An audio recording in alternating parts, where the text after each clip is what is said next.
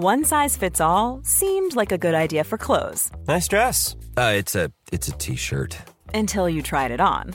Same goes for your healthcare. That's why United Healthcare offers a variety of flexible, budget friendly coverage for medical, vision, dental, and more. So, whether you're between jobs, coming off a parent's plan, or even missed open enrollment, you can find the plan that fits you best. Find out more about United Healthcare coverage at uh1.com. That's uh1.com.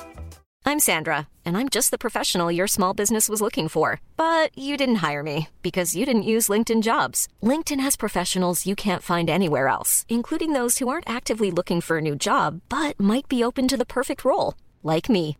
In a given month, over 70% of LinkedIn users don't visit other leading job sites. So if you're not looking on LinkedIn, you'll miss out on great candidates like Sandra. Start hiring professionals like a professional. Post your free job on linkedin.com/people today. There's never been a faster or easier way to start your weight loss journey than with PlushCare. PlushCare accepts most insurance plans and gives you online access to board-certified physicians who can prescribe FDA-approved weight loss medications like Wigovi and Zepbound for those who qualify. Take charge of your health and speak with a board-certified physician about a weight loss plan that's right for you. Get started today at plushcare.com slash weight loss. That's plushcare.com slash weight loss. plushcare.com slash weight loss. Veckans sponsor är Telia. Hos Telia samlar man mobil, bredband, IT-support, mobilväxel, allt som gör företagande enkelt. Och det är just det här att samla allt på ett ställe, att ha någon att vända sig till när det inte fungerar, det är Telia. Ett exempel på vad som inte är Telia, det är ju som när jag lyckas boka förmötet för en poddinspelning med Finansinspektionen till efter själva inspelningstillfället. Eller när jag här, här året var liksom, fick för mig att jag skulle börja springa, så jag är liksom ute och springer taggad, träffar en kompis som säger så du Jan, på måndag ska jag springa ett lopp. Och jag känner så här, ja men det låter inspirerande, så jag käkar pasta, jag byter om, tar mig ner till Malmö stadion för att göra en efteranmälan, står där i kön och sen så när jag liksom anmäler mig så tittar de på mig och säger så här, du Jan, vårhuset är bara till för kvinnor. Och eh, det var, det var typisk en situation som inte är Telia. Oavsett, ett stort tack till Telia som sponsrar, gör Rika Tillsammans möjligt, men framför allt tack till dig som lyssnar, följer och eh, hänger med oss varje vecka. Det är verkligen ett annat sätt att tänka, att utgå från att man både kan ha kakan och äta den samtidigt. Du lyssnar på Rika Tillsammans-podden som handlar om allt som är roligt med privatekonomi i den här podden får du varje vecka ta del av konkreta tips, råd, verktyg och inspiration för att ta ditt sparande och din privatekonomi till nästa nivå på ett enkelt sätt. Vi som gör den här podden heter Jan och Caroline Bolmesson. Idag är det dags för avsnitt 141. Och eh, idag så tänker jag att vi kanske ska avsluta den här serien som vi höll på med från i höstas med inre principer för eh, rikedom. Ja, del fem. Ja, och detta är lite roligt för att detta avsnittet har liksom så lite delat lyssnarna har jag förstått. Vissa tycker att detta är det bästa avsnitten och andra tycker så här, okej, okay, kan ni inte bara komma tillbaka till fonder, sharpkvoter och eh, tekniska liksom, faktorer? Mm. Mm. Men jag tänker att idag så tror jag att alla kommer gilla det, för att idag så kommer det handla väldigt mycket om pengar i de här principerna. Okej. Okay. Faktiskt. Mm. Och eh, precis som vi är inne på, så är ju detta en fortsättning eh, på de här avsnitten 126, 127, 129 och 137. Eh, det vill säga alltså del 1 till del 4. Mm. Och eh, vi, jag tror vi pratade i förra avsnittet att detta är lite som han, Cesar Milan. Ja, hundviskaren. Hundviskaren, ja. Återigen Cesar. Caesar Milan. Jag har ju tagit upp honom förr. Ja, men precis. Nej, men det var ju det här, han hade ju så här fantastiskt, där han liksom så här hjälpte en hund och en familj och så använde han liksom en, en borste. Och, en kvast var en kvast var, och, och de i familjen var så här, ja, och kan vi behålla kvasten? Och han där, it's not about the broom, it's who you are when you're holding the broom. When you're using the broom. ja, precis. Okej, okay, men det vill du ha sagt att... att det, det är precis som det här. Så idag mm. när vi pratar om de här inre principerna, så idag handlar det om vem du är när du håller i dina pengar. Att det handlar När du om... använder yttre verktyg ja, som så fonder och... Ja, men precis. Mm. Så att detta handlar om liksom så här, vem är jag i förhållande till min ekonomi, i förhållande till mina inkomster. Mm. För vi kommer prata mycket om inkomster idag, så hur gör man då liksom för att tjäna pengar och, den typen. Och detta är ju detta är en diskussion som vi har haft nu här ett antal avsnitt utifrån boken eh, Secrets of the Millionaire Mind av T. Harv Eker, som är en kanadensisk eh, coach och författare. Och eh, detta är ju liksom egentligen mer en inbjudan till att undersöka, eller som vår kompis Helena brukar säga, så här, tankespjärn. Så att det är liksom inget som är sant eller falskt eller bra eller dåligt eller eh, rätt eller fel, utan detta är ju så här, hmm, detta är någonting man kan undersöka. Man kan testa lite, se hur det känns när man får höra de här Ja, så, inre principerna som T. Harv Eker tar upp. ja. och sen brukar jag ju säga så att ett bra tips när man hör något som gör en frustrerad eller trött eller så här bara, nej det håller jag Irriterad. irriterad, då är det ett bra tillfälle, så här, det sa alltid vår coach, så här, pay attention, för då är det ju något som din hjärna inte gillar. Eller som den får precis. anstränga sig kring. Det kan vara något ovant eller något som man inte liksom vill gå in på för det känns jobbigt. Och åh, vilket, vad händer om jag öppnar den dörren? Liksom? Ja, Eller eller, hur? ja men, eller, eller kanske till och med, som vi kommer att prata om, kanske en sorg för hur det har varit innan. Mm. Att jag kanske bara inser så här, shit, ja, men där har jag varit i diket hela livet. Mm. Liksom. Och så liksom kastar vi ljus och bara så här, men varför ligger du i diket? Ja, men, då, Liksom. men då vill vi inte liksom värdera det, att det är bra eller dåligt att ligga Nej, i utan det, diket. utan det är en möjlighet. Vi ligger ju Mm. Att också, man får jag, syn på det. Ja, gud, ja, jag ligger i diket konstant i, i många. Det, åh, där är en sån princip på det sen som vi Ja, kommer vi prata det. om. Eh, och sen så vill vi också säga att detta är ju inte någon så här, eh, när vi diskuterar detta så är detta ju vår tolkning av hans bok. Och hans bok är ju bara en bra röd tråd att Ja. följa. Sen kan det ju mycket väl vara så att detta är våra associationer, vad vi tänker på när han skriver det. Det behöver inte alls vara det han, han har skrivit. Så det, det är ju Han har nästan, menat. det hade ju Nej. nästan varit intressant att höra, liksom haft honom med bara, åh nej, åh nej, bara så här facepalm. Bara. Säg vad ni tycker så ska jag säga Ja, vad, så- så- vad jag menade sen. så får ni facit eh, Mm. sen, precis. Ska vi ta den första? Mm. Och den lyder så här. Never have a ceiling on your income. Mm. Så direkt översatt, ha aldrig ett tak på din inkomst. Vad tänker du kring det då? Jo, men det har vi ju diskuterat tidigare, eh, faktiskt under en middag tror jag med kompisar, eh, där det var eh, mannen sa så, ja men man kan ju bara spara, man kan bara spara så mycket som 100 procent av sina utgifter. Mm. Men man, man behöver inte ha ett tak på hur mycket man kan få in, för det kan vara oändligt stort. Mm. Precis. Eh, Nej, men jag tror precis att det handlar ju om, och jag tror att här är vi så otränade, för att vi är så vana i vid att ska man tjäna pengar så ska jag byta min tid mot pengar. man ska gå till jobb. Man ska ja. gå till jobbet och, och sen så upplever vi ju de flesta av oss att vi får för lite betalt i förhållande till det, den engagemanget och det vi sätter konstiga in. är att man får lov att säga så, jag får för lite betalt på jobbet. Mm. Och Men- klaga lite sinsemellan. Jo, sinsemellan. Men sen så är det liksom inte okej att man vill tjäna pengar vid sidan av, för då är man girig. Ja. Så ser det ut i vårt land, tycker jag. Ja, nej men jag, jag tänker att missen man ofta gör är på, på vissa ställen så skulle man mycket väl kunna ta betalt delvis i värde. Alltså, Ja, vad tänker du? Säg något mer så, om det då. Nej, men så gör till exempel chefer, eller det är därför vd har bonus och sånt. För, För värdet de har skapat i företaget så, skap, så, vär, så de, ja, så, företaget har tjänat mer pengar till Ja. aktieägarna. ja, det är därför vd alltid har en fast lön och en eh, värdebaserad Mm. eh, ersättning. Sen kan man ha diskussion om det, absolut. Men jag menar att det är ju så konstigt, det borde ju många fler vara intresserade. Men jag vet ju själv när jag skulle anställa säljare, det var väldigt få säljare som ville ha betalt på provision.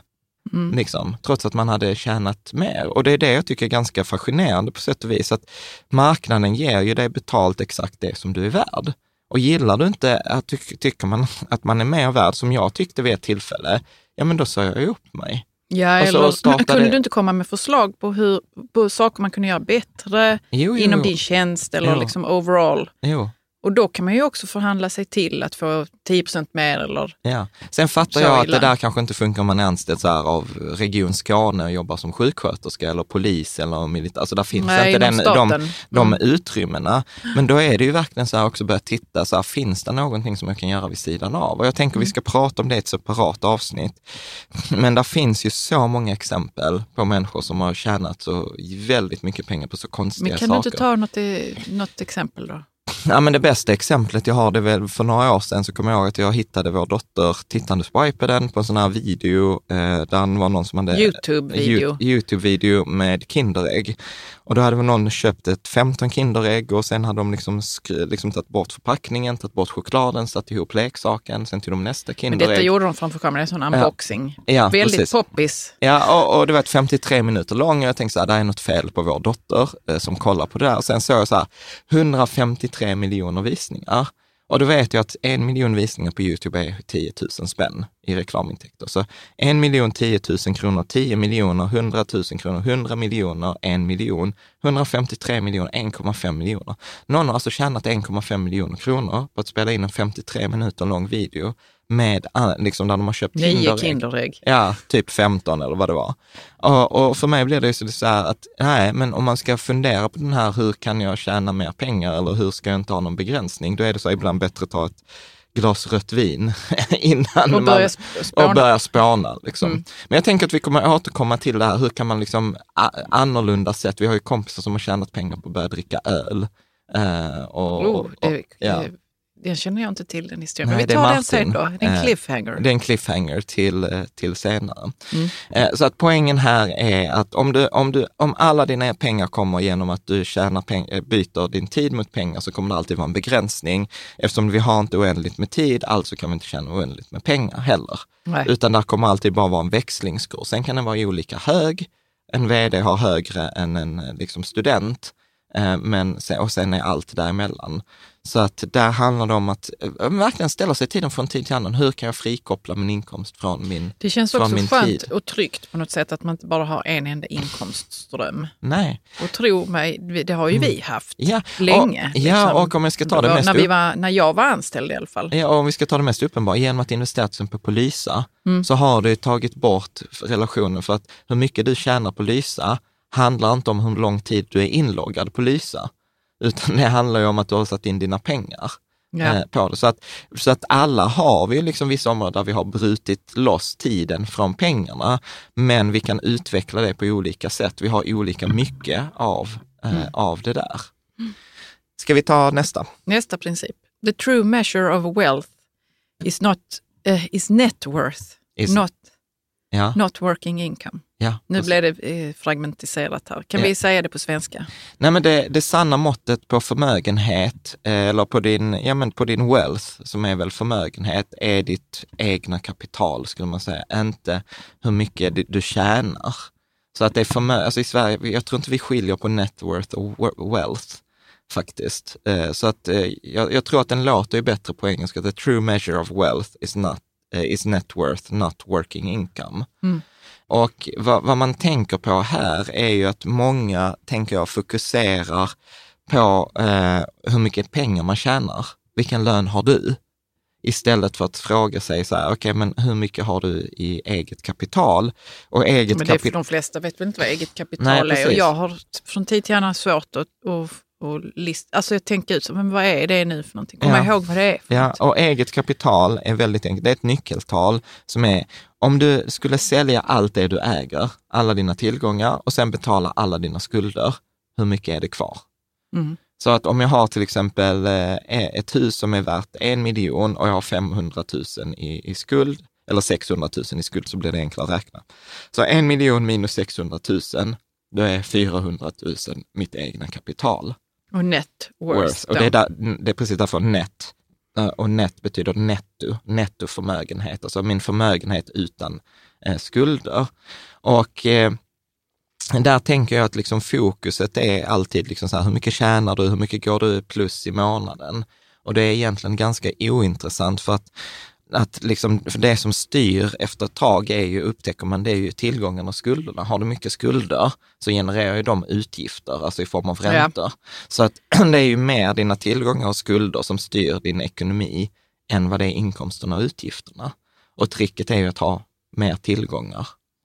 Du ser Mm. Men vilken, ut. vilken nivå behöver man vara på egentligen pengamässigt för att börja tänka så att skulderna styr mina utgifter och Nej, Alltså jag- vi, vi, det är på en daglig eller på en månadsbasis så vet vi ju det. Vi betalar ju av lån till exempel. Och så. Men det är inte så att man tänker så, oh, nu mitt netto, mitt egna kapital är. Nej, nej, precis. Och de flesta, till exempel appar och sånt, mäter ju inte det. Det är ju därför till exempel vi håller på med, med den här appen som ska liksom visa det. Men, nej, men tricket är, tror jag till exempel, att i balansekonomi eh, så pratade vi mycket om eh, enkel, stressad eller generativ ekonomi. Och då sa vi att en enkel ekonomi, det är så att pengar kommer in och sen betalar man sina utgifter och sen så går pengarna ut och så blir det kanske lite över. Så det är en enkel ekonomi. Där finns inga tillgångar, inga skulder. Typ man är arbetslös, man är student, man är ung. Så man har liksom inte köpt någon bostadsrätt, man har ingen bil, man har inga lån, utan det är en enkel ekonomi.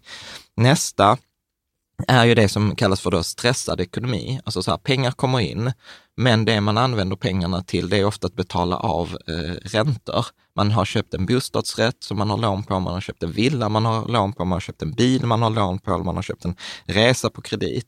Och plötsligt genererar de där skulderna genererar ju utgifter. Mm. Och plötsligt så måste man liksom säga, de här pengarna måste in. För om inte pengarna måste in, ja då tar banken vårt hus ja. eller vårt boende. Mm. Och så blir det som att hela tiden måste pengarna in, för annars brinner liksom ekonomin. Den här pumpen, en liksom på skuldsidan måste hela tiden pumpa ut pengar till utgiftssidan. Häng med. Och det är en stressad ekonomi och jag påstår att de flesta i Sverige har en stressad ekonomi. Ja, man kan absolut. inte skita i, liksom, hade, hade man skurit av inkomsterna i en, två, tre månader så hade det skitit sig liksom kungligt för mm. de flesta, inklusive för oss. Ja. Så vi ska ju inte sticka under stol med vi. Vi har en stressad ekonomi. Vi betalar ju 8-10 tusen i månaden i räntor. Mm. Liksom. Och sen är det sista steget är det som man kallar för generativ ekonomi. Det vill säga att det kommer pengar in, men pengarna går till tillgångarna och sen tillgångarna genererar utdelning eller avkastning eller ökar i värde som betalar alla utgifterna. Så att till slut hade man egentligen inte behövt några inkomster, utan tillgångarna genererar så pass mycket pengar att de täcker alla utgifterna. Ja. Och, då, och då har man liksom det som kallas ekonomisk frihet eller rent, rentiär tror jag det kallades så för hundra år sedan, att man oh. levde, man var rentier, man levde på räntorna från sitt kapital. Ja, men det var väl många som gjorde det. Nej. Alltså, jag, nej men vänta här nu. nej, men jag kanske lever i min i, Jane Austen-värld här, men där ja. var det många som var så att de hade en, ett kapital och sen så levde de ja. av det liksom räntan ja. på det. Men de, de, de, var, de, har aldrig, de har aldrig varit så många. Nej, de är kanske inte många. Och de är kanske inte heller många nu. Nej. Men jag tänker att första gången jag hörde det ja. Eh, med eh, att rika människor köper inte skulder utan de köper tillgångar. Mm. Så var det som att ett ljus gick upp i mitt huvud. Jag bara, aha, ja. gotcha! Ja. Nu vet jag! Ja. Och så kunde jag helt plötsligt välja om jag ville köpa skuld, alltså grejer som egentligen inte gav ja eh, någonting tillbaka mer än att det var nice. Ja. Eller om jag kunde köpa tillgångar. Ja, precis. Och Nej, men... tänka också så, vad är en tillgång egentligen som ger mm. tillbaka ja. pengar? Alltså en tillgång, väldigt enkelt och väldigt kontroversiellt, det är ju att säga att en tillgång är något som ger dig pengar. Ja. Eller hur? Ja. Väldigt enkelt. Alltså typ en aktie, du äger den, den det ger utdelning, den ökar i värde. Du äger en fond eller fondrobot, den ger dig mer pengar. Men om vi skulle använda den definitionen så faller ju hus lite pladask. Ja, det är, ska mycket... ju vara en av våra största tillgångar i livet, men ja. det är ju en skuld ju. Nej, det är inte en skuld. Det beter sig, det som, beter en, sig, sig som en skuld. skuld. För att du kan ju sälja den och få pengar för den. Men den genererar ju sällan några nya pengar på kontot. Inte förrän jag säljer den. Ja. Eller hur? Så att, eh, så att det är det som är att de flesta, och det är därför som man ibland pratar om tärande tillgångar. Det är fortfarande en tillgång, men den genererar faktiskt utgifter. Ett hus genererar ju, det kostar pengar i försäkring, det kostar pengar i räntor, det kostar pengar i underhåll, det kostar, kostar pengar i el, det kostar mm. tid. Alltså så, här, du vet, så att det är en tillgång fast den beter sig som en skuld. Eh, vilket är så här, men detta pratar vi ganska mycket om i avsnitt 43, eh, Rich Dad Poor Dad, för det var ju han som introducerade detta mm. konceptet. Mm.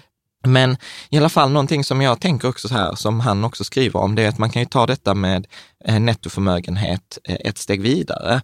För om man dividerar då eh, nettoförmögenheten med de, de utgifterna man har på årsbasis. Okay. Så om jag har exempel en miljon och jag har 100 000 i utgifter på ett, på ett år så blir det en miljon dividerat med 100 000 och då får jag en, ett svar som en kvot som heter 10. Ja. Och det betyder ju då egentligen hur många års frihet har jag? Eller hur? Så om jag har en miljon och hundratusen i utgifter per år, då har jag, Ja, då tio, tio år. då har jag tio års frihet. Så att det är egentligen de, många av de som jag träffar som är riktigt duktiga på ekonomi, de mäter ju inte ens i nettoförmögenhet, utan de mäter ju hur många år skulle jag kunna leva på de pengarna som jag faktiskt har. Mm. Och det är en ganska kul uträkning att kunna göra. Att faktiskt, ja men hur, hur länge skulle du faktiskt kunna, kunna leva med Ja, det? är roligt också att tänka så, okej men hur skulle jag kunna göra det så att jag kan leva ett visst Ja. antal år på Ja. mina inkomster? För Ja. jag kan ju inte det nu kanske. Ja, Mm. precis. Man har helt plötsligt mål i sikte också. Precis. Och, och sen handlar egentligen hela processen att bygga en förmögenhet, handlar egentligen så här, ha en inkomst, spara en del av den inkomsten, investera den inkomsten och sen förenkla. Hela tiden förenkla. Mm. Och jag upplever att det där är ju precis det. Förenkla hur det går till när man eh, investerar. Ja, Mm. och jag gillar ju, för det där är ju det vi har pratat om i så många år. Liksom så här, ha en inkomst, behåll, liksom, spendera mindre än den inkomsten du har. Och där brukar vi ju först säga så här, minst 10 procent, spara minst 10 procent av din inkomst, investera den till exempel i en fondrobot eh, och liksom gör det enklare och enklare. Och från början hade vi modellportföljerna, egna aktier etc. Medan nu är det så här fondrobot. Så fondrobot är ju en förenkling av de egna modellportföljerna. Så jag gillar verkligen den här att cirkeln heter så här inkomster, sparande, investerande, förenkling. Inkomster, sparande, investerande, förenkling. Eh, liksom. Så, ja men ska vi gå, ska vi gå vidare? tar vi eh, Ja. nästa princip här. Ja, You can have your cake and eat it too. It's about thinking that you can have both. mm. Vad tänker du? Jag tänker att uh, to stavas med två onion. Tack Caroline. Eh, Strunt samma, strunt samma, vi förstår vad du Ja. har skrivit här. ja. Nej men jag gillar ju detta. Man kan så- ha kakan och äta den. Ja, Det, det är att du tänker att du kan ha båda som är grejen. ja. Mm. Och jag vet vad, jag kommer ihåg första gången jag hörde det här Jag kommer också ihåg det. När var det för dig? Jag tror det var under en kurs i, från balansekonomi. Mm. Förmodligen eh, när vi pratade om att det man tänker det manifesteras Ja. liksom, i det yttre. Ja. Mm. Nej, men för mig var det faktiskt innan balansekonomikursen, mm. för vi träffade ju då Charlie Söderberg och så pratade vi om vi skulle gå den här utbildningen. Mm. Och vi så var kom- studenter ju. Ja, och så kommer jag ihåg att den kostade ganska mycket pengar och den var ju skitbra för den förändrade ju livet på oss ju. Men då, var, då kommer jag ihåg att jag sa så här, ja, ja, men då blir det ju så här, antingen semester i år eller utbildningen. Mm. Att det var liksom så här, vi hade inte råd till både semester och gå utbildning. Nej, och då fattade vi nog inte heller liksom vad vi valde mellan. Nej, och jag kommer ihåg att jag sa det till Charlie, så här, ja men då blir det ju semester eller utbildning. Och så sa han så här, ja men det där är fel, felställd fråga. Han sa, frågan du borde ställa dig, hur kan jag ha semester och utbildning samtidigt? Att vi, vi är så duktiga på att många gånger ställa frågan antingen eller, A eller B, att vi sällan ställer oss frågan, så, hmm, jag vill ha A, jag vill ha B, hur skulle jag kunna göra för att ha både och? Mm. Och jag tror att bara det att man ställer sig frågan öppnar man liksom helt nya tankesätt. För att det som Moa pratade om här i något avsnitt sen, att hjärnan kan bara tänka på en sak. Och tänker den på eller, så kommer den leta upp eller-svar. Tänker vi på ett och-fråga så kommer den leta efter och-grej. Och, och, och Men finns... hur lär man sig då hur man kan få bägge? Alltså för det är ju ändå en övningsgrej. Att Ja, ja. Eh, först måste man tänka och, hur Mm. kan jag få både och? Eh, och då kan man bli kungligt förvirrad. Ja, Liksom att tänka så, men det går inte. ja. Eh, hur ska jag kunna göra det? Ah, men det går inte. ja, men jag tror Men då att... måste man ju, det är en övningssak påstår jag. Ja, gud, ja, absolut. Alltså den första, det första steget, det är ju ens att bara självmedvetenhet. Att fånga sig i, nu ställde jag mig en eller-fråga. Mm. Det tror jag är det första. Så att man kan omformulera frågan för sig själv i och-termer. Hur kan jag få och, liksom både och? Eh, det, det tror jag är det första steget. Och sen därefter får man ju vara kreativ, be om hjälp. Kanske Eh, brainstorma, brainstorma komma med tillsammans med- knäppa svar Ja, ja, som ja, kanske gud, inte är så knäppa ändå till slut. Ja, så att man påbörjar liksom processen. eh, Att vara kreativ i det. Ja, Mm. precis. Nej, men jag tänker också att det är så många sammanhang där vi har så här, rik eller lycklig. Mm. Eller så som eh, vi har folk i vår omgivning som säger så här, men det viktiga är inte att vi har eh, pengar, det viktiga är att vi har hälsan. Eller det viktiga är inte att vi har pengar, det viktigaste är att vi har varandra. Som att det skulle stå i motsatsförhållande Ja, men till eller hur, varandra. att Så det- fort du får pengar så har du inga vänner. Nej, eller att du blir, rika människor är sjuka. Mm. Trots att liksom varenda undersökning visar att liksom så här människor som har så här högre socialekonomisk eh, liksom möjligheter är friskare. Mm. Det här som man pratar om i Stockholm, att livslängden skiljer mellan ett par T-banestationer. Mm. Så, att, eh, så att jag tror att eh, det, det, är, alltså det är så mycket myter och, det, och så lever den här konversationen att det är antingen eller, när det handlar om att ställa sig frågan och. Ja, alltså jag, för mig känns det som att vi har tämjt oss själva. Ja, någonting Och man mer. kan bli lite mer vild, liksom. Wild, Ja. eller vad man ska säga. Jo, men att vi uppfostras. Jag är ju väldigt eh, intresserad av det här. Hur formas vi som människor? Ja, Vad blir vi för något? Hur kan vi sedan själva forma oss ja, till det vi, vi skulle vilja? Liksom? Så då tänker jag att vi, vi har tämjts någon gång i tiden med att du kan inte ha både och. Mm. Och sen så, så tämjer vi oss själva sen i vuxen ålder. Ja, ja, men det är så här klassiska, jag vet inte om det är sant, men man säger så här, du vet med elefanter man hade på cirkus för att man band dem när de var små så att de inte kunde röra sig. Och sen så stod de kvar när de var vuxna också, trots att de inte hade någon, liksom bara kände kedjan, trots att de hade kunnat riva, Riva av, av den. hela kedjan. Nej, men jag tror att vi många gånger så tror vi också att det är ett nollsummespel. Liksom Ja, att, det, att, precis, det, ja. att, att det handlar om att om den ena vinner så måste den andra förlora. Ja, och Att- så är det ju inte heller. Nej. Nej, och, och det, det där är ju så här grundläggande eh, ekonomi, att de samhällena, liksom, om, om, jag säger att jag är duktig på att vara bonde och du är duktig på att, eh, vad ska jag säga, eh, göra kläder, så är det mycket bättre att jag är bonde och du gör kläder och sen byter vi, än att jag ska vara bonde och göra kläder dåligt och att du ska vara dålig bonde och göra kläder. Menar, då är det ju bättre att du gör det du är bra på, jag gör det jag är bra på, sen byter vi. Ska vi ta nästa? Då tar vi nästa princip. Mm. Where attention goes, energy flows and results show. Mm. Precis. Nej, men Vad skulle du översätta det med? Nej, men jag tänker så här att där jag har fokus, eh, det händer. Eller det som blir mätt blir gjort. Eh, till exempel att det finns ju mätbarheter, som till exempel så här, men hur mycket sparkvot, till exempel, hur mycket av min, våra inkomster sparar vi? Eller eh, det här som vi pratar nu, ekonomisk, eh, eh, hur många år har jag med att dela till min nettoförmögenhet med mina utgifter, så ger det ju liksom fokus där. Och, och samma sak om man liksom börjar väga sig, ja då plötsligt blir det medvetande gjort med vikten och plötsligt blir det mer intressant om man tränar eller om man liksom, Ja. vad man stoppar i sig eh, etc. Så att, eh, nej, jag, jag, för mig är detta ganska tydligt, liksom så här, att där jag fokuserar, där kommer jag lägga energi och där jag lägger energi, där kommer det att få nya resultat. Och, och väldigt tydligt också tvärtom, där jag inte fokuserar, i många år fokuserar jag inte på träning, alltså fick jag inga resultat i träning och jag var inte ens intresserad av mätbarheter i träning. Men sen så började vi träna i höstas, plötsligt så här liksom fick vi en uppgift att vi ska göra armhävningar varje dag. Och jag har aldrig haft sån koll på armhävningar som jag har nu. Eh, Absolut. Ja. Mm. Jag vet inte, tänker du någonting? Nej, men jag bara kommer att tänka på eh, något exempel som du tog för flera år sedan med att eh, det finns människor som säger att jag kan meditera mig till pengar. Mhm. Och på sätt och vis så kan man ju det. Om man börjar liksom... För du, du har sagt så men det går inte. Man måste liksom ta två. Man måste ta sin, sin, sitt medvetande och man måste ta pengar och mergea de två världarna. Visst. Men, men eh, om man bara blir medvetande gör så, saker Ja. i sitt liv och, och liksom, Ja. ja, man kan meditera Ja.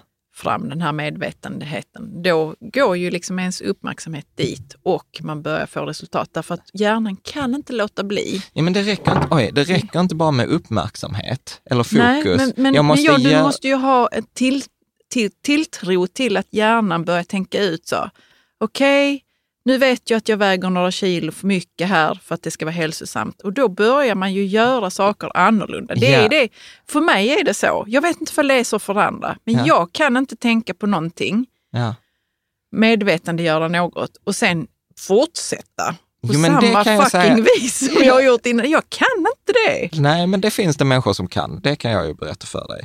Men alltså så här, jag håller med dig Caroline. Med, alltså så här, men för mig är det så här, du måste alltid go to action. Du måste Ja. alltid göra. Det måste man göra. Resultaten kommer från görandet. Sen är det så, om jag inte har fokus där, då kommer jag aldrig till görandet. Nej. Liksom. Så att först är det så här, fokus, medvetenhet, sen kommer görande, sen kommer resultat.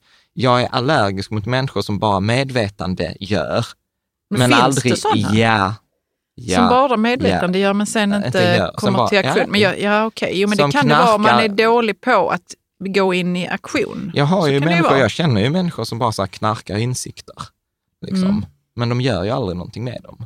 Hur vet du det?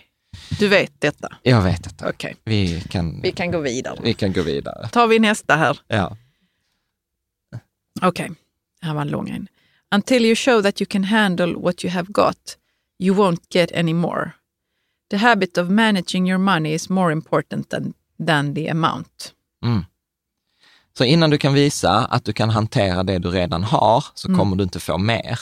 Och vanan att hantera pengar är mycket mer viktig än beloppet. Ja. Det är vad den säger. Absolut. Det är därför man kan börja med lite. Ja, och att man ska inte underskatta de små beloppen. Nej. Eh, Detta är ju till exempel därför jag brukar ibland föreläsa för studenter.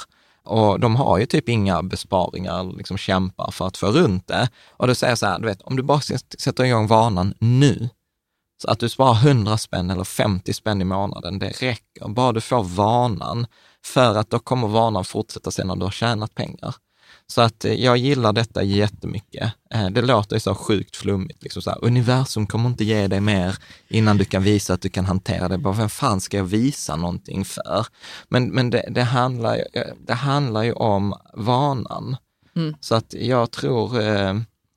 Nej, men jag gillar jättemycket det här. Han, han säger, jag skriver också i boken så här att antingen kontrollerar du dina pengar eller så kontrollerar dina pengar dig. Det är liksom... Ja, hur kan det yttra sig? Ja, alltså, Alltså, antingen så de flesta skriver- känner väl så här, men jag hanterar mina pengar. Ja, men det är, Men det bara, kan ju vara så men det är att- bara att kolla på Lyxfällan. Mm.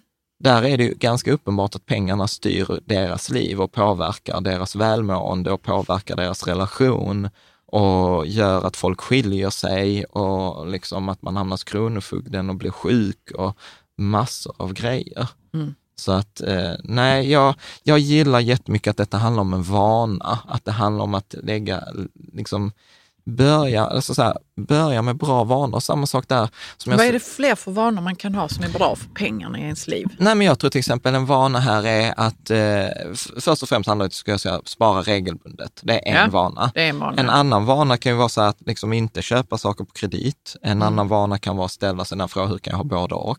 Mm. En annan vana kan vara att inte eh, titta på alla lån som dåliga, utan att tänka att det finns faktiskt bra lån. Och skillnaden på ett bra och ett dåligt lån är, så här, blir jag rikare tack vare det här lånet? Mm. En, en, en annan vana kan vara så här, till exempel att underskatta inte beloppen. Eh, och vad jag menar med det, till exempel att om man har 1000 kronor sparat och man får 10 procents avkastning, så tänker man så här, det är en hundralapp. Jag hade kunnat jobba en timme övertid och få tjäna mer pengar, lönt att jag sparade. Ja, fast vet du vad, de där 10 procenten funkar lika bra om det är en miljon eller 10 miljoner eller 100 miljoner. Så har du liksom eh, 10 procent på en miljon, ja då är det plötsligt väldigt många timmar du ska jobba övertid för att få ihop de där 100 000. Så att till exempel en sån vana är att liksom värdera procenten istället för de absoluta talen. Ett annan vana är så här, lyssna inte på andra, lyssna inte på rådgivare. Vi hade ju till exempel ett avsnitt där vi pratade om forskningen, där forskningen hade visat att eh, rådgivare, och experter och gurus har i genomsnitt 48 procent rätt. Så att det är bättre att singla slant än lyssna på När en man ska expert. välja var man lägger sina pengar. Så att, det är, så att det är många sådana här grejer som jag tror, som verk, jag, tror, jag tror verkligen på det här, att när man har lärt sig många av de här, det man har, ja då, liksom, då kommer resultaten. Och sen kommer man på ny nivå och sen behöver man ju lära sig nya saker på den nivån. ja, det är jättespännande. Liksom. Mm. Så att, Hur man kan levla lite. Ja, så att det handlar om kompetensen att hantera sina pengar snarare än beloppen. Det är därför det är många som får ett stort belopp och det går åt helvete. Liksom för man felplacerar, för de ja, har ingen de vana. vet, blir rädda för pengarna. Ja, ja Mm. visst. Eh, precis. Mm. Bra. Bra. Ska vi gå vidare? Vi går vidare. Nu kommer nästa princip. Rich people see every dollar as a seed that can be planted to earn a hundred more dollars. which can be replanted to earn a thousand more dollars. Ja. Säg, vad Okej, tänker så du? rika människor ser varje dollar som ett frö som man kan plantera och som kan ge upphov till hundra mer dollar. Eh, som sen kan planteras så får man tusentals fler dollar. Ja. Jag gillar ju den Ja, jag gillar också den. Ja. Att, eh, det är väl det där att rika människor köper tillgångar och inte skulder. Mm. He, eh, hookar in i den här. Ja, ja. Att man eh, inte ser vad man kan, eh, hur man kan konsumera sina pengar utan snarare hur de kan bli fler. Liksom. Vad Ja. behöver jag göra för att de ska bli fler? ja, men jag tänker Jag precis. kan plantera mina pengar. Ja, sen, sen kan jag ju vara så här lite som, som vi pratade om innan, att det är mycket generalisering. Jag gillar ju inte den här uppdelningen i rich people och poor people. Men jag och tror... jag gillar den, jag vet inte varför. ja. Men det är- Nej, men jag tror att det handlar, jag tror att det handlar så här, om man är klok, hanterar sina pengar på ett klokt sätt eller inte.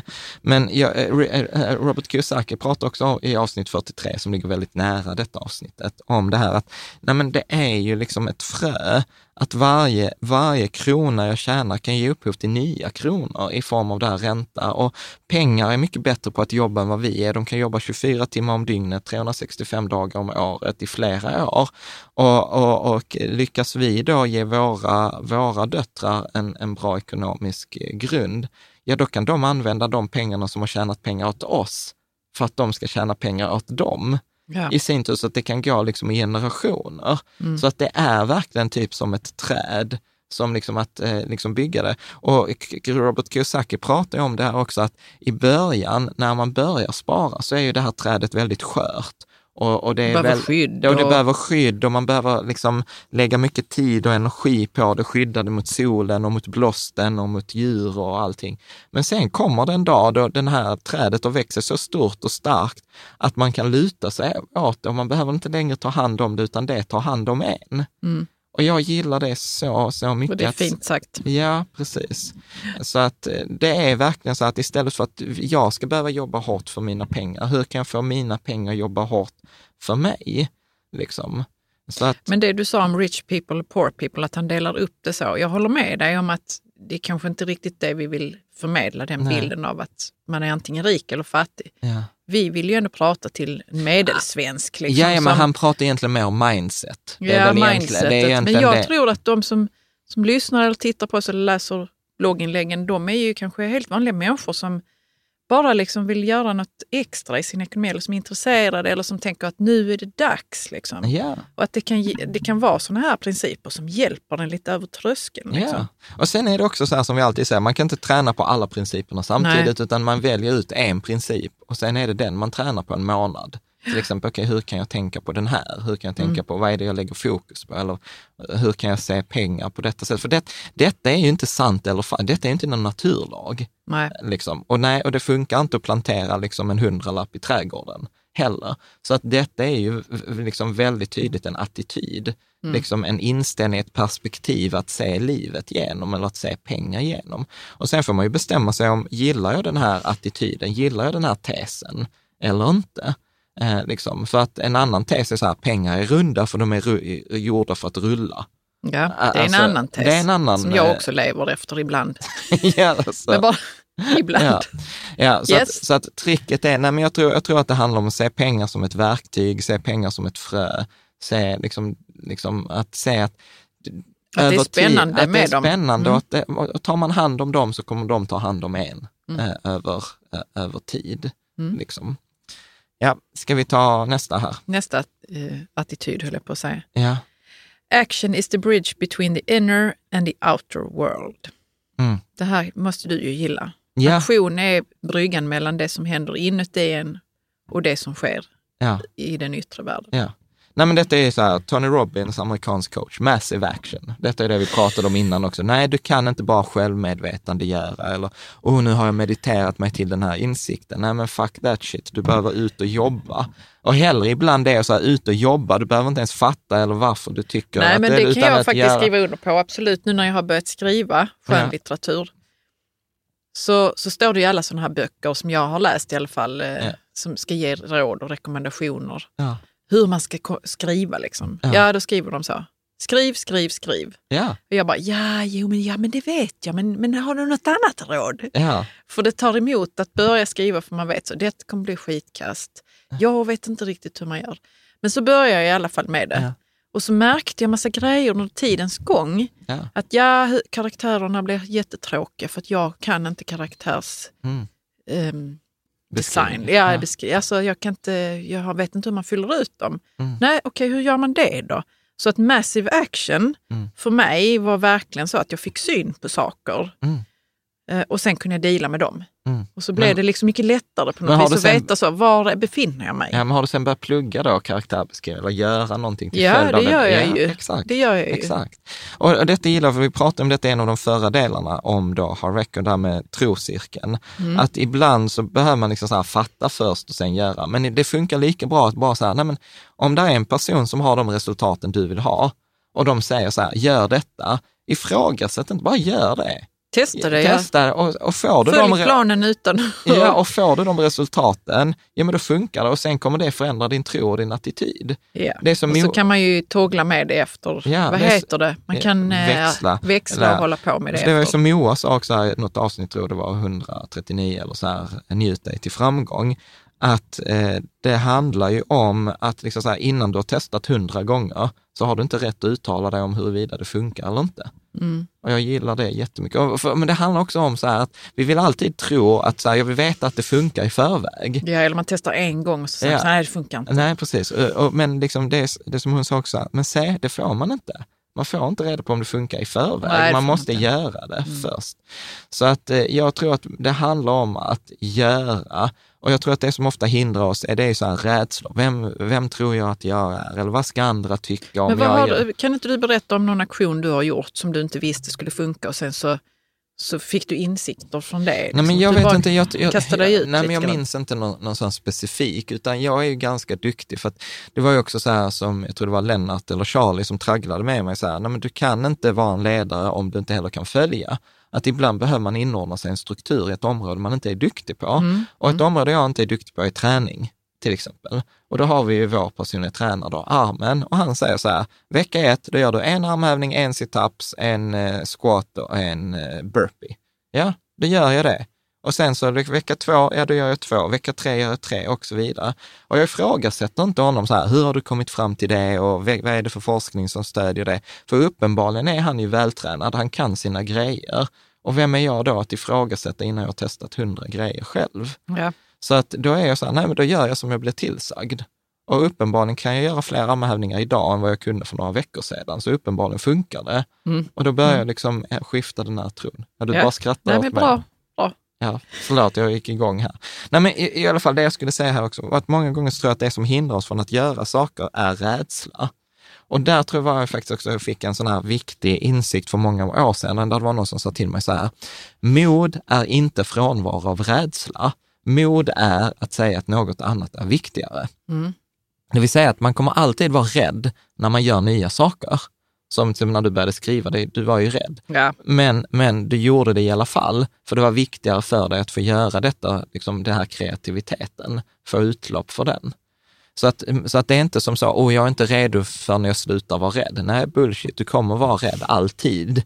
Det handlar om att vara Tills du modig. inte är rädd mer Ja. för det som du... Ja, och sen till slut när man gjort det hundra gånger så blir man så här, varför, jag- varför var jag ens rädd för det här? Det var ju bara löjligt. Och det tror jag att de flesta av oss känner, känner igen. Mm. Och jag tror att det hänger ihop med nästa princip faktiskt också. Okej, och den lyder så här. If you are willing to do only what's easy, life will be hard. But if you're willing to do what's hard, life will be easy. Mm. Mm. Vad tänker du? Så att om vi ska översätta den, att om du bara är villig att göra det som är enkelt så kommer livet vara tufft. Om du är villig att göra det som är tufft så kommer livet vara enkelt. Ja, men det är ju lite som att man blir härdad. I, I mitt eget liv var det ju att doktorera Ja, inom biologi som var tufft. Det var så jävla tufft. Men jag var ju en annan person när jag kom ut sen på andra sidan Mm. Än när jag gick in i det. Ja, berätta. Jo, men det var ju som att jag upptäckte min kapacitet då. Mm. Att jag kan vara så helt bara, nej men detta ska bli gjort idag. Mm. Kosta vad det kosta vill och så var jag på labbet till nio i så fall. Liksom. Mm. Och så bara var den, det var bara fantastiskt liksom sen hur hur eh, det kändes att jag hade gjort det jag hade sagt och fastän det var svårt. Och sen blev det lättare och lättare med saker. Mm. För att jag förstod vilken kapacitet jag hade. Mm. Det är ju också sånt som jag vill att våra barn ska lära sig. Liksom. Mm. Att man måste göra vissa grejer som är svåra. Och där är ju vi skitdåliga för vi är ju sådana curlingföräldrar. Nej, Känner- du är en curlingförälder. Okej, jag är en Men det, curlingförälder. ja, men det är, vi kan, det är en annan historia, liksom, Ja. hur man jobbar med barn. Så. Ja. Men, Men ja, med en själv, alltså, Ja. absolut, det är allt, som är, allt som är värt att göras är tufft i början. ja. Nej, men jag håller med när du säger så. så. Så är det för mig. Jag kommer alltid ibland frågar folk, är det inte jobbigt att läsa alla de här akademiska studierna och sådant? Och jag är så här, alltså jag klarar en tenta i kvantmekanik och elektromagnetisk fältteori. Det är fan det svåraste jag har gjort i mitt liv. Ingenting jag har gjort sedan dess har kommit i närheten av den här man får liksom, en annan ä- sån svårighetsnivå elek- som är... liksom elektromagnetisk fältteori. Ja, det, var, det var det värsta jag har gjort i mitt liv. Men jag klarade den tentan sjätte gången eller sjunde gången eller vad det var. Eh, Liksom, eh, för de var ju så här, du får ju inte ut examen om du inte klarar den här tentan. Nej. Så det var ju bara Nej. så här, suck it up. Okej, men så den var, det var ju ty, eh, supersvårt. Och Ja. vad, känner Och- du att du har vuxit i ditt sinne efter det? Att, Ja. Ja, det är faktiskt, det är faktiskt en grej som har hänt efter det, där Ja, jag faktiskt har var det? backat ner. Riskparitet, det var faktiskt det är en sån här grej som jag inte var så, nej, här, jag ger upp. Vad var det för, när var det? Ja, det var faktiskt någon bok som någon professor hade skrivit, men den var, den var uppenbarligen inte skriven för en normal människa. Ja. Men det, det är och det är ändå ganska roligt, för det är typ enda gången jag var så här, nej detta är för svårt. Och jag har backat. Eh, faktiskt alla andra fall har det varit så här, nej men, eh, Nej, men, tänker men på låt min- oss eh, ha överseende med den här riskparitetsboken. då. Ja, eh. Känner du att det har blivit lättare med saker när du vet Ja. liksom, vilken kapacitet ja, du har? gud, ja, du, absolut. att så här, man vet inte vilken kapacitet man har förrän man provar. Ja, Vad, men vet du vad, jag, liksom- tänk, jag tänker ju så här, jag har ett annat, jag kom på en annan attityd, Ja. sån som, som jag har, som jag gillar jättemycket, som låter så här. Allt som händer är träning inför något som komma skall. Mm. Allt som händer är en träning inför något som komma skall. Och det är någonting som jag tänker, ibland så här när shit happens, tänker jag så här, ja ja, det, detta var ju för att jag ska få träna på någonting, för jag ska klara någon större utmaning i framtiden. Liksom. Och då tror jag att man bygger de här musklerna. Sen tänker jag så Det här, är ju alltså- ett sätt också att se, eh, se på livet och vår tillvaro som, en, som en, att det finns möjligheter Ja, som en, överallt. och ja, liksom. som en växt. Ja, Liksom som en att, växt. Som att allt, för det sa han också i någon tidigare, så här, allt i universum växer eller dör. Mm. Antingen utvecklas du eller avvecklas du. Eh, Men jag tänker så här, jag är lite så militärt överintresserad person eh, ibland. Ja. Eh, och där är ju också så här klassisk grej, som så här Navy Seals i USA, de har ju så här, the only easy day was yesterday. Det ju- Det blir alltid tuffare och tuffare. Ja, men den enkla- Eller vad menar de med det? Nej, men den enkla dagen, den enda enkla dagen var igår. Liksom Jo, men här- vad betyder det då? Jag är menar- det tuff, tuffare idag än igår? Eller? Ja, vad, vad, ja. Vänta, jag, jag, det känns som att jag inte fattar det riktigt. Jag tar det kanske bokstavligt. Ja, men jag tror att det är liksom så här, nej, men det handlar om att anstränga sig. Nej, det kommer inte vara enkelt. Det är lite som du säger, liksom allt, worth, allt som är värt att göra är värt en ansträngning. Mm. Liksom. Så att, eh, och det handlar inte om en kamp, utan att eh, livet är... Alltså, jag- Man ska inte, nej. det, är inte, nej, det, är, precis. det är inte som den... eh, Bra att du säger det. det, det är inte som den skylten som min mamma hade när vi växte upp i grovköket som var så här, alltså detta är helt sjukt. Hon hade alltså en bild på en bajskorv som kom upp ur en toalett där det stod så här, livet är ett helvete så håll ut. Varför får du en bajskorv? Jag vet inte, men det är så konstigt. Och jag har tänkt på detta för att bara så, här, vad är detta för en attityd? Varför hänger den där? Jag måste faktiskt kolla nästa, Förlåt att jag skrattar, men det är ju nästa, nästa, gång är vi, lite roligt. Ja, nästa gång vi kommer dit så får vi kolla om den är kvar. Eh, men det handlar liksom inte om att kämpa eller att livet är Mm. Nej. misärigt, utan Mm, det nej, handlar ju om att livet är en växt. Och att precis att det handlar om Man kan ändå erövring. vila i det där när man Ja. är på labbet till nio och bara, jag ska göra det här. Ja, det det går kom- ändå att vila i det lite grann, stundvis bara. Ja, men det är ja, okej och det kommer här. en stolthet efteråt. Ja, det kommer stolthet. Ja, Mm. så att eh, det handlar ju om att, eh, att vara lite oresonlig, skulle jag vara. Liksom så här, att nej men fan, vet, nu gör vi detta. Detta är liksom så här, ja, Mm. nej, jag, gillar, jag gillar det jättemycket. Titta, nu kommer ju nästa princip som hänger ihop, Ja. kanske av en händelse. Nästa princip. The only time you are actually growing is when you're uncomfortable. Mm. Mm.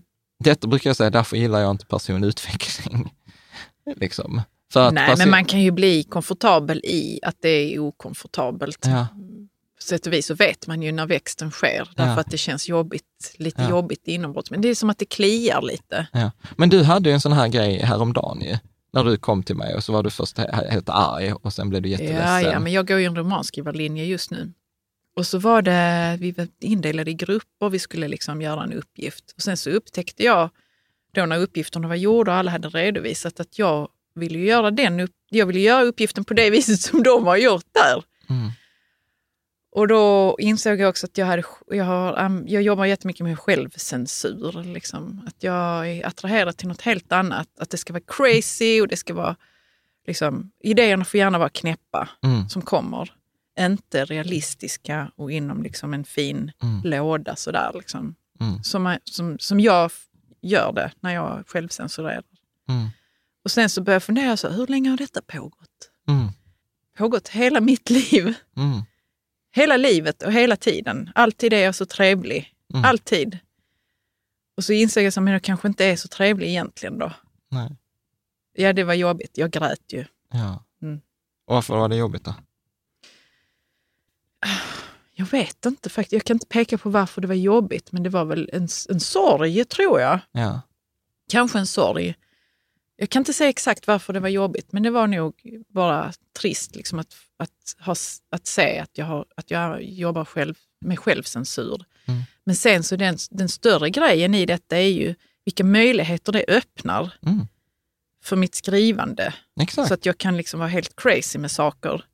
För det behöver inte vara så realistiskt. Ja. Och liksom logiskt hela tiden. Och för mig är det precis vad denna principen handlar om. Den enda, den enda gången du faktiskt växer, det är när det är obekvämt. Mm. Och det där var obekvämt och du växte. Ja. ja, ja, det var obekvämt och jag tror inte att jag fattade hur obekvämt det var förrän jag började gråta kring det. Mm. För annars hade det gått så, ja, ja, nu kom den insikten, ah, ja, men nu ska jag jobba med det och sen så bara Mm. två dagar senare så, Mm. så, ja, så blev jag ju ett vrak liksom, en liten stund kring det. Mm. Mm. Så ibland märker man inte när växten sker. Mm.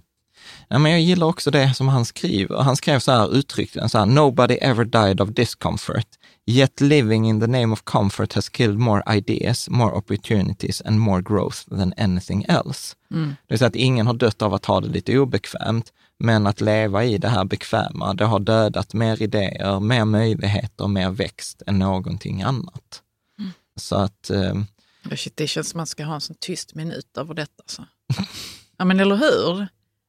Ja, så Ja, säg, jag, säg det, någonting mer för om mig det. Blir, jag blev väldigt känslomässigt berörd över det här.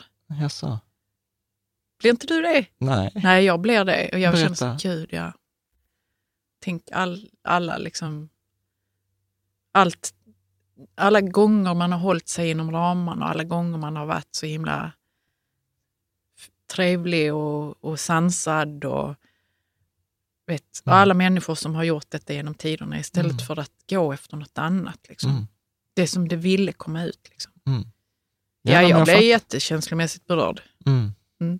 Nej men precis, och jag tror att, och, och, och sen kopplar man detta till pengar, så tror jag också så att pengarna finns ju där ute i discomfort zone. Ja, Liksom. Där. Bra att du kopplar det till pengar. Jag satt här med min, ah det kreativa. Bra att du kopplar ihop det nu till det som bloggen handlar om, pengar. Ja, Ja, men vad är det du om menar med rikedom. att det är discomfort? För, att, för vad jag tänker på när du säger så, Mm. det är till exempel eh, när man ska lära sig eh, försäljning. Mm. Och det behöver man göra i många jobb. Mm.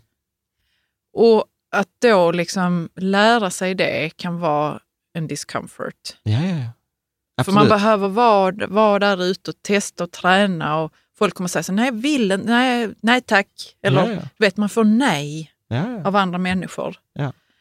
Så är det ju. Hur får man Absolut. ja? Liksom? Ja. Det är det som är frågan i Ja, och sen som, mm. som starta eget eller satsa på en idé som ingen tror Mm. på. Och det finns ju så många historier till J.K. Rowling med Harry Potter och Karl Johan med boken Kaninen som så gärna ville sova. Mm. Alltså det är, det är discomfort. Det är det. Så när du gör det som ingen annan är villig att göra, det är då du får belöningarna som ingen annan kommer få. Mm. Liksom. Fint sagt. Så att, ja, ska vi ta vidare? Vi har inte så många kvar faktiskt. Nej, nu har vi några Ja. principer kvar. Här kommer nästa. Training and managing your mind, your own mind is the most important skill you could ever own in terms of both happiness and success. Mm. Så om vi översätter, att träna och managing your own mind. Hantera, Hantera hushålla, ditt- styra. Ja, ditt eget sinne är den, den största eh, skillen. eh, Färdighet. Färdigheten som du, kan, som du någonsin kommer att eh, Ha. ha. Så att träna och hantera eller styra sitt, sitt eget sinne är det viktigaste verktyget, den viktigaste färdigheten som vi någonsin kommer äga när det gäller framgång eller lycka eller Mm. sånt. Och jag tror absolut, och jag tänker ju många gånger på det, till exempel en annan sån här attityd, jag behöver inte tro på allt min hjärna tänker. Nej, precis. Liksom, eh, och jag behöver jag inte tror, tro, jag tror på alla känslor. jag behöver Alltså, inte tro på alla mina känslor som De är där, men det är inte alltid som de är liksom helt relevanta. när relevanta i sammanhanget. Nej. De kommer och man tittar på dem och sen så hoppar de vidare. Ja. Vissa stannar kvar. Ja. Så. Precis, och jag tror inte någon av oss skulle vilja hugga bort vår hjärna heller. Liksom. nej, nej, utan, eh, utan jag tror att det handlar om att managera den. Liksom. Finns det något oärligt kring detta? För jag kan tänka mig att om man lyssnar och aldrig liksom egentligen har blivit medveten om hur man managerar sitt sinne, Mm. så, kan det, så kan det framstå som att ah, du försöker vara någon annan än vad du är eller Mm. försöker, försöker tänka på ett annat sätt. Eller, Mm. Nej, men jag vet inte, jag tänker att vår hjärna går ju bananas. Vi har ju dessutom inte bara en hjärna, utan vi har ju dessutom, har forskning visat, att vi har ju flera olika delar i hjärnan. Att vi har den primitiva hjärnan och vi har den liksom logiska, rationella och vi har den känsla. Alltså vi har ju massa olika centra. Och det känns ju som att, du vet, ibland, tänk om våra händer var som vår hjärna, du vet. De hade ju gått bananas all over the place, eller hur? Eh, Och då menar jag också så här, då hade vi inte velat hugga av dem, utan vi hade ju velat styra dem. Och jag tror att hjärnan är ju en muskel, precis som allt annat. Och det är där till exempel meditation kommer in. Att så här, nej men jag behöver ju inte liksom tro på allt eh, den tänker eller tro på Nej, allt men den som, känner. som stress till exempel kan man ju managera. Ja. Det är ju något som sker i hjärnan. Alltså, Ja, det kan man ju managera med olika verktyg, med meditation Till eller exempel eh, mindfulness. träning ja, eller- eller, bara gå ut och springa liksom, Ja, eller någonting. Mm. Så att, eh, och där är en eh, amerikan, Robert Allen, som har sagt så här, no thought lives in your mind rent free. Så att det vill säga, ingen tanke lever i din hjärna utan att betala någon slags hyra. Så att vi har ju liksom konsekvenser eller möjligheter från alla våra tankar och allt det vi tänker och, och, och känner.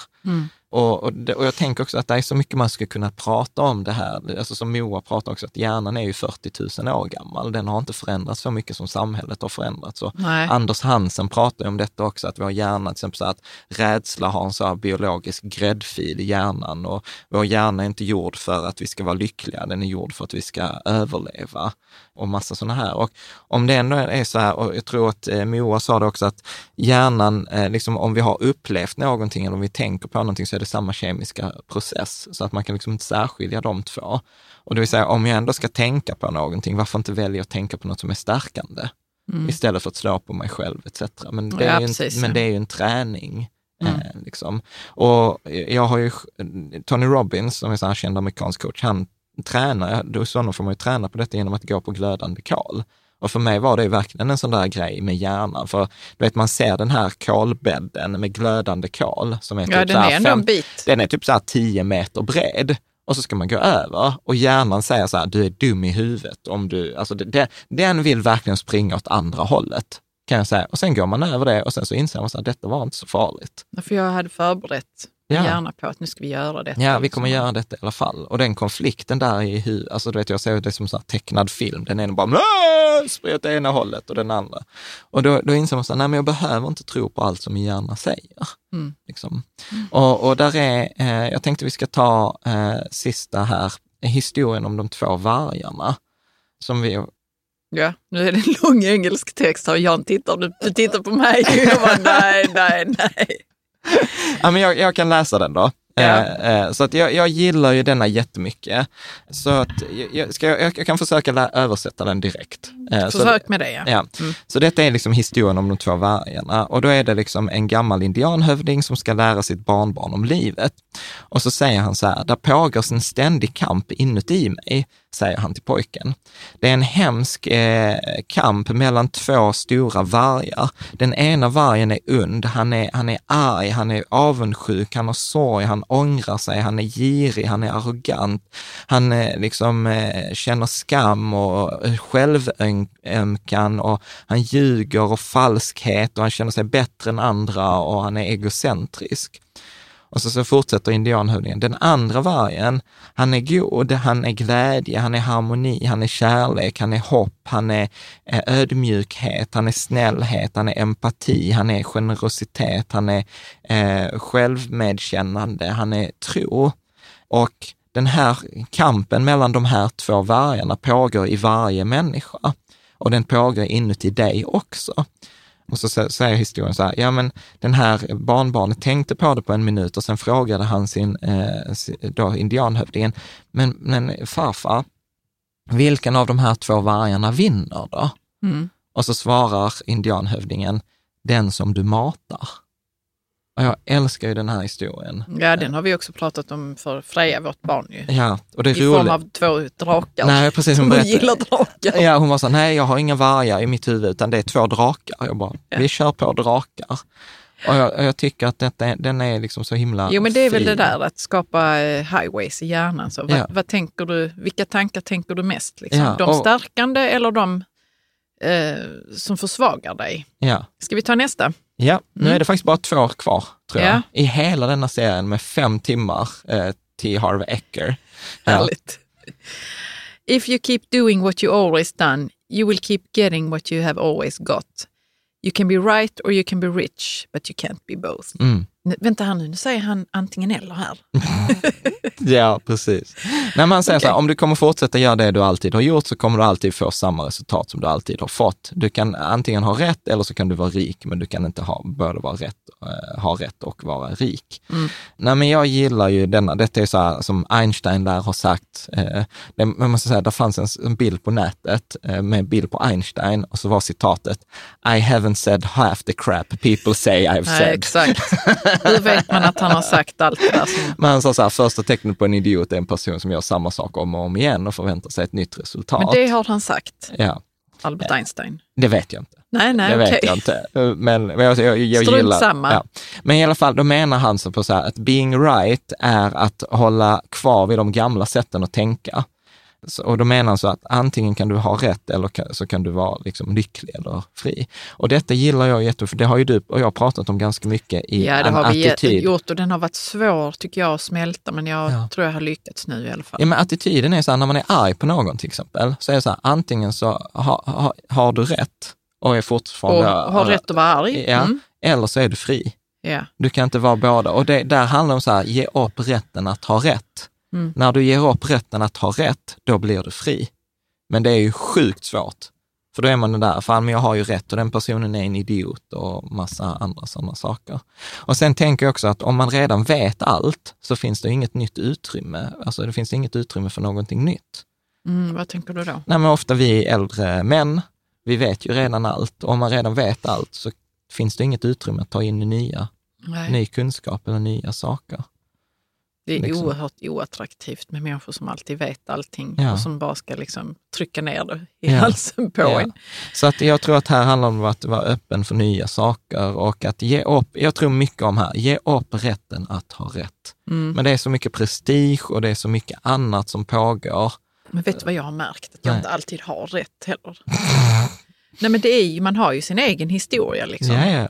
Någon... Och, och, livet är inte ens egen historia, livet är ju en, en gråskala. Liksom. Ja, ja. Någonting jag tränar mycket på, vet du vad det är? Det är att säga jag vet inte. Mm. Jag är skitdålig på det. Men jag tränar och jag tycker jag blir bättre, men jag är fortfarande dålig. För jag ska alltid ha svar. Liksom. Men det tänker jag så här, vi borde kunna vara mycket mer i, jag vet inte. Mm. Du, nu kommer en av mina favoriter. Detta är nog min favorit. Okej. Okay. Ska du läsa den? Every master was once a disaster. Ja. Okej, okay, vad betyder nu detta då? Att va, va, alla som har blivit bra på någonting har någon gång varit väldigt dåliga på det, eller mm. varit crappy. Mm. Varje mästare har en gång varit en katastrof. Men det uh, känns skönt faktiskt. Ja, jag har varit det är en katastrof. tröst. Ja, ja, ja, gud ja. Att jag... Det kanske till och med är så att det är en förutsättning, att man ja. har varit dålig på någonting ja. för att kunna bemästra det. Jag började med aktier 1996. Jag var ju skitdålig i 15 år. Jag har, jag har fortfarande varit mer dålig, för jag har varit dålig fler år än vad jag har varit, än jag varit bra. Ja. Så att jag är inte ens på 50-50. Uh, så att, uh, nej, och jag har gett dåliga, jag har tagit dåliga beslut, jag har gett dåliga råd. Uh, ja, gud ja. ja men det, är så här, det var någon annan som sa till mig så här, om du inte skäms för det du gjorde för 12 månader sedan, då har du inte utvecklats tillräckligt. Och jag kan ju vara så här, ibland när jag kollar på de avsnitten vi gjorde i början, så är jag så här, shit vad pinsamt. Um, så att detta, detta gladde mig när han skrev så här, every master was once a disaster. Mm. Uh, och jag tror att det handlar om att liksom så här, vara för att göra och sen för att få nya resultat. Uh, faktiskt, att unna sig det att man kan inte vara. Men det är också så lätt att tro att alla är duktiga, liksom, duktigare än mig. Och mm. Jag har nog inte i det här området att göra. Så kan jag ju tänka inom skrivandet att mm. nej men alltså, alla är ju mycket bättre än vad jag är och det finns nog inget hopp för mig. Mm. Mm.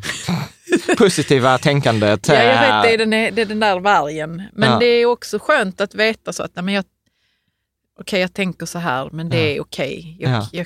det finns ändå hopp. Liksom. Men då måste man tro att det, att det är okej att vara dålig från början. Absolut. Det, för, ska, ska man vara bra, då är det som att då tillåter inte man sig själv att Nej, men jag tror, jag tror att det handlar utvecklas. så här, de flesta tror så här, okej, okay, jag, jag ska först liksom ha, jag vill ha resultatet först, sen kommer jag göra det som krävs och sen kommer jag vara den personen. Mm. Så här, typ så här, jag vill ha 10 miljoner, för sen kommer jag börja spara och då kommer jag vara, ha ett rikt mindset.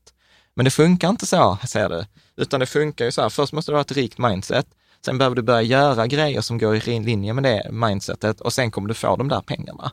Mm. Men folk tror att det är tvärtom och det handlar ju med skrivandet också. Du behöver först vara där och skriva och skriva och inse att jag är en disaster för att sen bli liksom en master. Mm. Så att, ja. Mm. Ska vi ta den sista principen av T. Hard? Detta borde man ju nästan firat. Yeah. Och vissa så här, äntligen är de klara. ja. Ska du ta den? To get paid the best you must be the best. Ja. ja. Uh, nej, men jag... Vad säger vi om denna? Mm, ja, nej, men jag tror att eh, detta handlar om att vara den bästa varianten av sig själv. Jag tror att eh, fokusera, om man fokuserar på att bli bäst, jag har ju liksom aldrig fokuserat på att bli störst, för det var också någon som sa till mig så här, är du bäst så kommer du bli störst.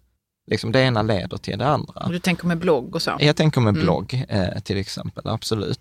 Och, och, jag tror att detta handlar, detta är nog egentligen summan av allt det andra vi har pratat om. Att vill jag få bäst betalt, ja men då behöver jag vara den som tränar mest, jag behöver vara den som misslyckas mest, jag behöver vara den som lägger in mest energi, den som skrapar knäna mest, den som förlorar mest. Alltså så här, jag behöver liksom vara i min discomfort zone. Att liksom inget kommer gratis.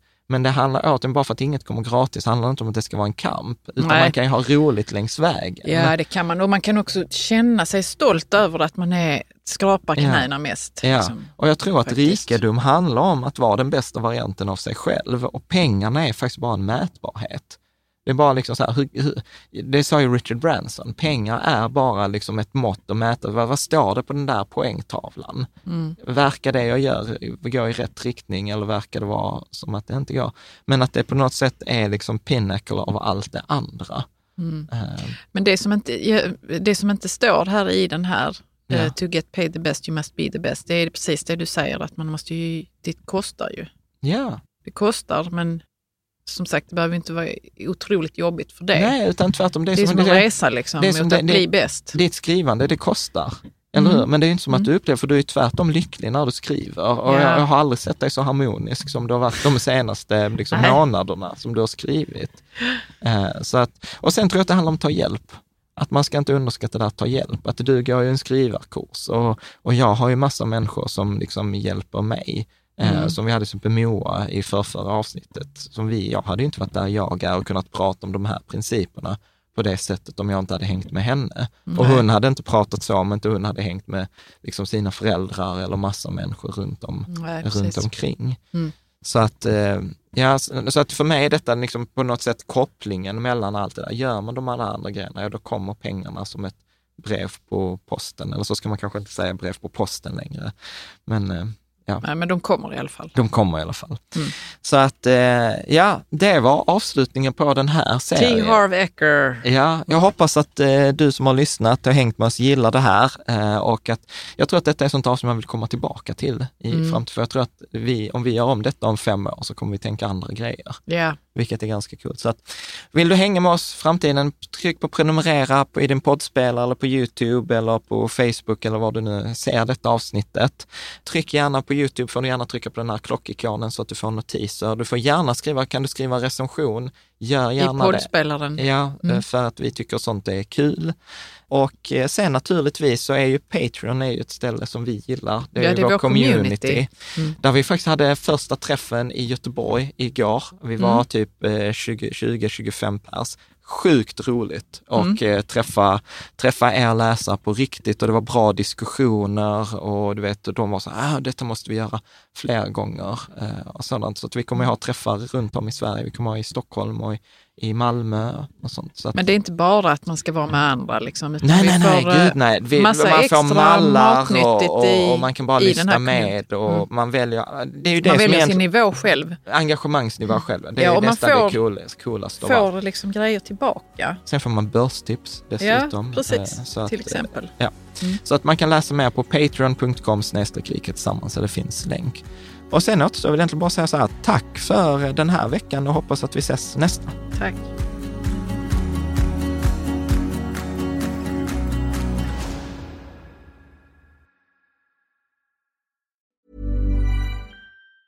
Planning for your next trip? Elevate your travel style with Quince. Quince has all the jet setting essentials you'll want for your next getaway, like European linen, premium luggage options, buttery soft Italian leather bags, and so much more. And is all priced at 50 to 80% less than similar brands. Plus, Quince only works with factories that use safe and ethical manufacturing practices. Pack your bags with high-quality essentials you'll be wearing for vacations to come with Quince. Go to quince.com slash pack for free shipping and 365-day returns. Mom deserves the best, and there's no better place to shop for Mother's Day than Whole Foods Market. They're your destination for unbeatable savings, from premium gifts to show-stopping flowers and irresistible desserts. Start by saving 33% with Prime on all body care and candles. Then get a 15-stem bunch of tulips for just $9.99 each with Prime. Round out Mom's menu with festive rosé, irresistible berry chantilly cake, and more special treats. Come celebrate Mother's Day at Whole Foods Market.